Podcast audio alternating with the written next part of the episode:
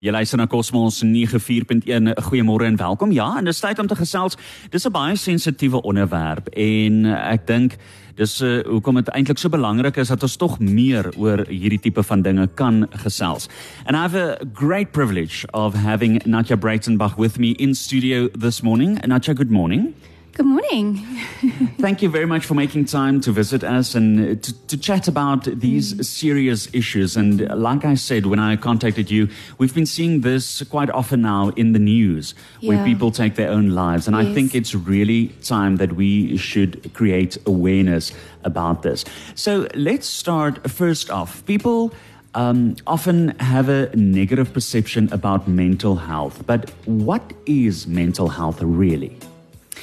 Very good question. And I think that's the, the start of everything. We yes. need to understand what mental health is.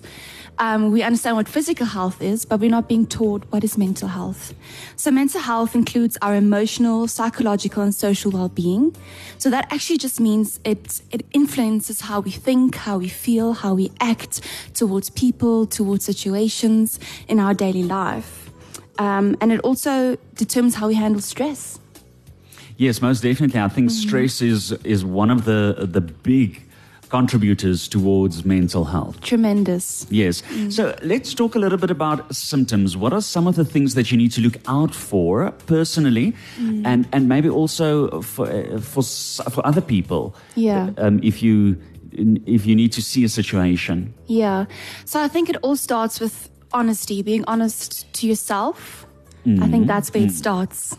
Um, symptoms, there's there's so many there's so many symptoms, um, but symptoms that we as counselors and psychologists see most often is just um, withdrawal from people, being social. You withdraw yourself. You isolation, yourself, basically. Isolation, exactly. Um, you you lose the joy in doing things that you found joy in. For example, if you really enjoy playing tennis or squash or crocheting and you completely lose that interest all of a sudden, that's something to think about. Why? Mm. Um, concentration, lack of concentration, you're not being able to do the things that you used to be able to do.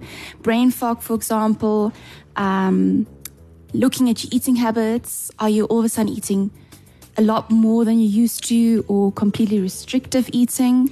Mm-hmm. Um, your sleep cycle. Has that changed? Are you all of a sudden sleeping more than you used to or less than you used to?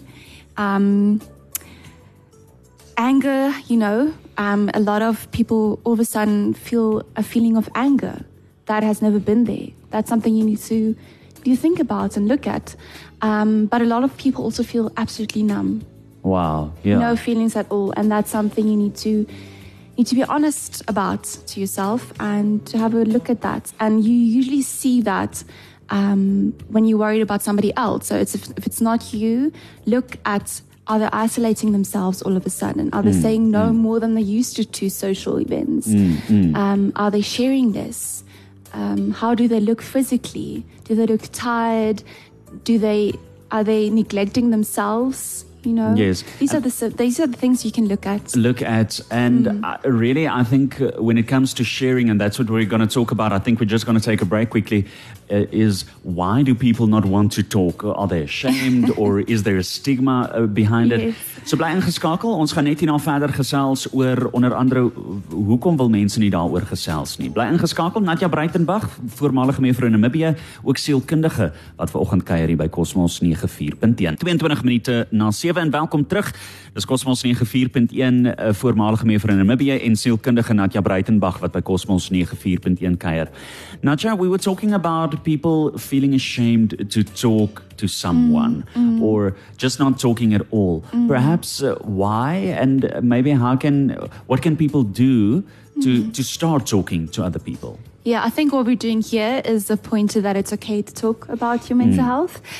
Um, but before that, I think we need to talk about what negatively affects our mental health, right? Yes. So it can range from genetic factors, biological factors, um, your brain chemistry, It can be because of a trauma that you've experienced, or it can be family history um, of mental health problems. Yes. So that's a, such a wide variety that can affect your mental health. And uh, and that variety, actually, it's it's interesting that a lot of that um, of the factors that you gave, uh, you don't have control over. Not at all. Yes. And that's and that's that's a sad thing that we feel like we we lost power somewhere. Um, so it's a journey of taking back that power and realizing that um, you are okay. And it's okay not to be okay. I think that's where it all starts. And I think that's what people are scared of talking about. Um, I think we as a society kind of, I don't know where it happened. We stopped saying that it's you know it's bad to we started saying it's bad not to be okay Yes, you know yes. um, it's something to be ashamed of if you're not happy every single day then there's something wrong with you which is very sad and it's not true it's okay to not be okay At, at some point in your day or in your week, you are not going to be okay, and it's okay. and it's okay. So I think it's every single one of our responsibilities to to give people that space to say, listen, um, I think something is not okay, something is wrong. Yes. Um, I think it starts with us as individuals. We need to make the difference. We need to speak about. We need to speak up. We need to share our stories, and I think the more we do it, the more other people will feel comfortable sharing theirs. Most definitely. And um, yes, uh, I also think that when when people feel, or the fact that people don't want to talk to others is because they're scared they're going to be judged. Exactly. And- Stigma is so, so big still Yes. surrounding mental health. Most definitely, and Mm. and perhaps speak to someone that you trust. Yeah. So there are so many things and ways how you can improve your mental health.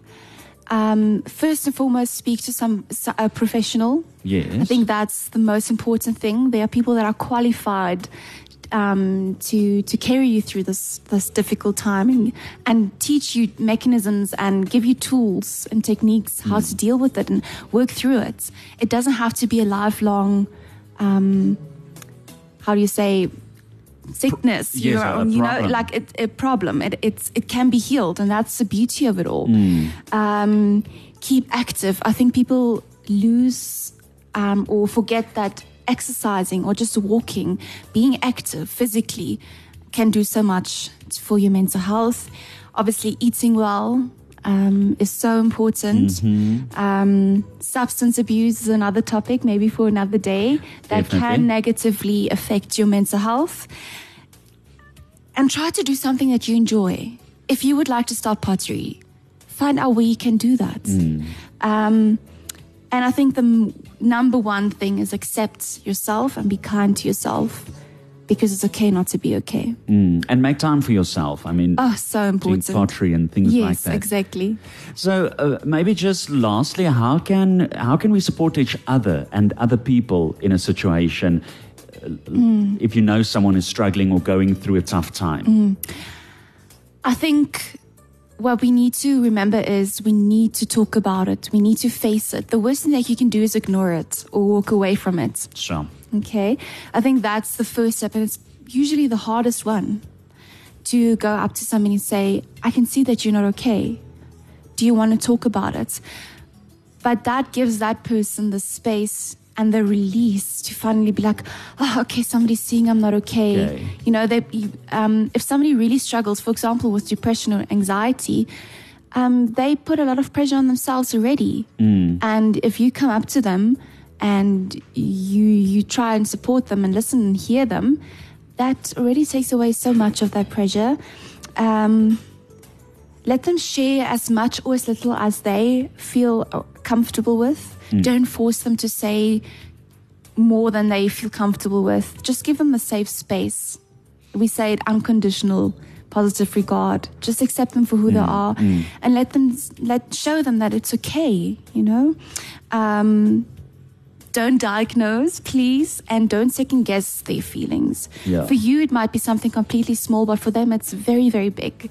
So don't belittle their emotions and what they're going through and feeling. And then offer your help to, to find somebody professional yes, to, to guide them through this difficult time. Um, usually, for example, somebody that st- struggles with um, depression, you you it's difficult for you to to reach out and to collect that energy to actually do your research and call somebody. So just doing that for somebody, obviously with their knowledge, um, um, yeah, is a is a the biggest step, the first step to healing, and then know your limits. You cannot pour from an empty cup. Mm, mm. Remember that you will not be able to heal them. And I think, yeah, we want to heal everybody that we love and that we care about, but mm. that's sadly not the case. So you need to fill up your cup, do what you love, make sure that you are okay, that you're mentally stable. If you're not, ask somebody else to to jump in. Is there perhaps a helpline that people can call?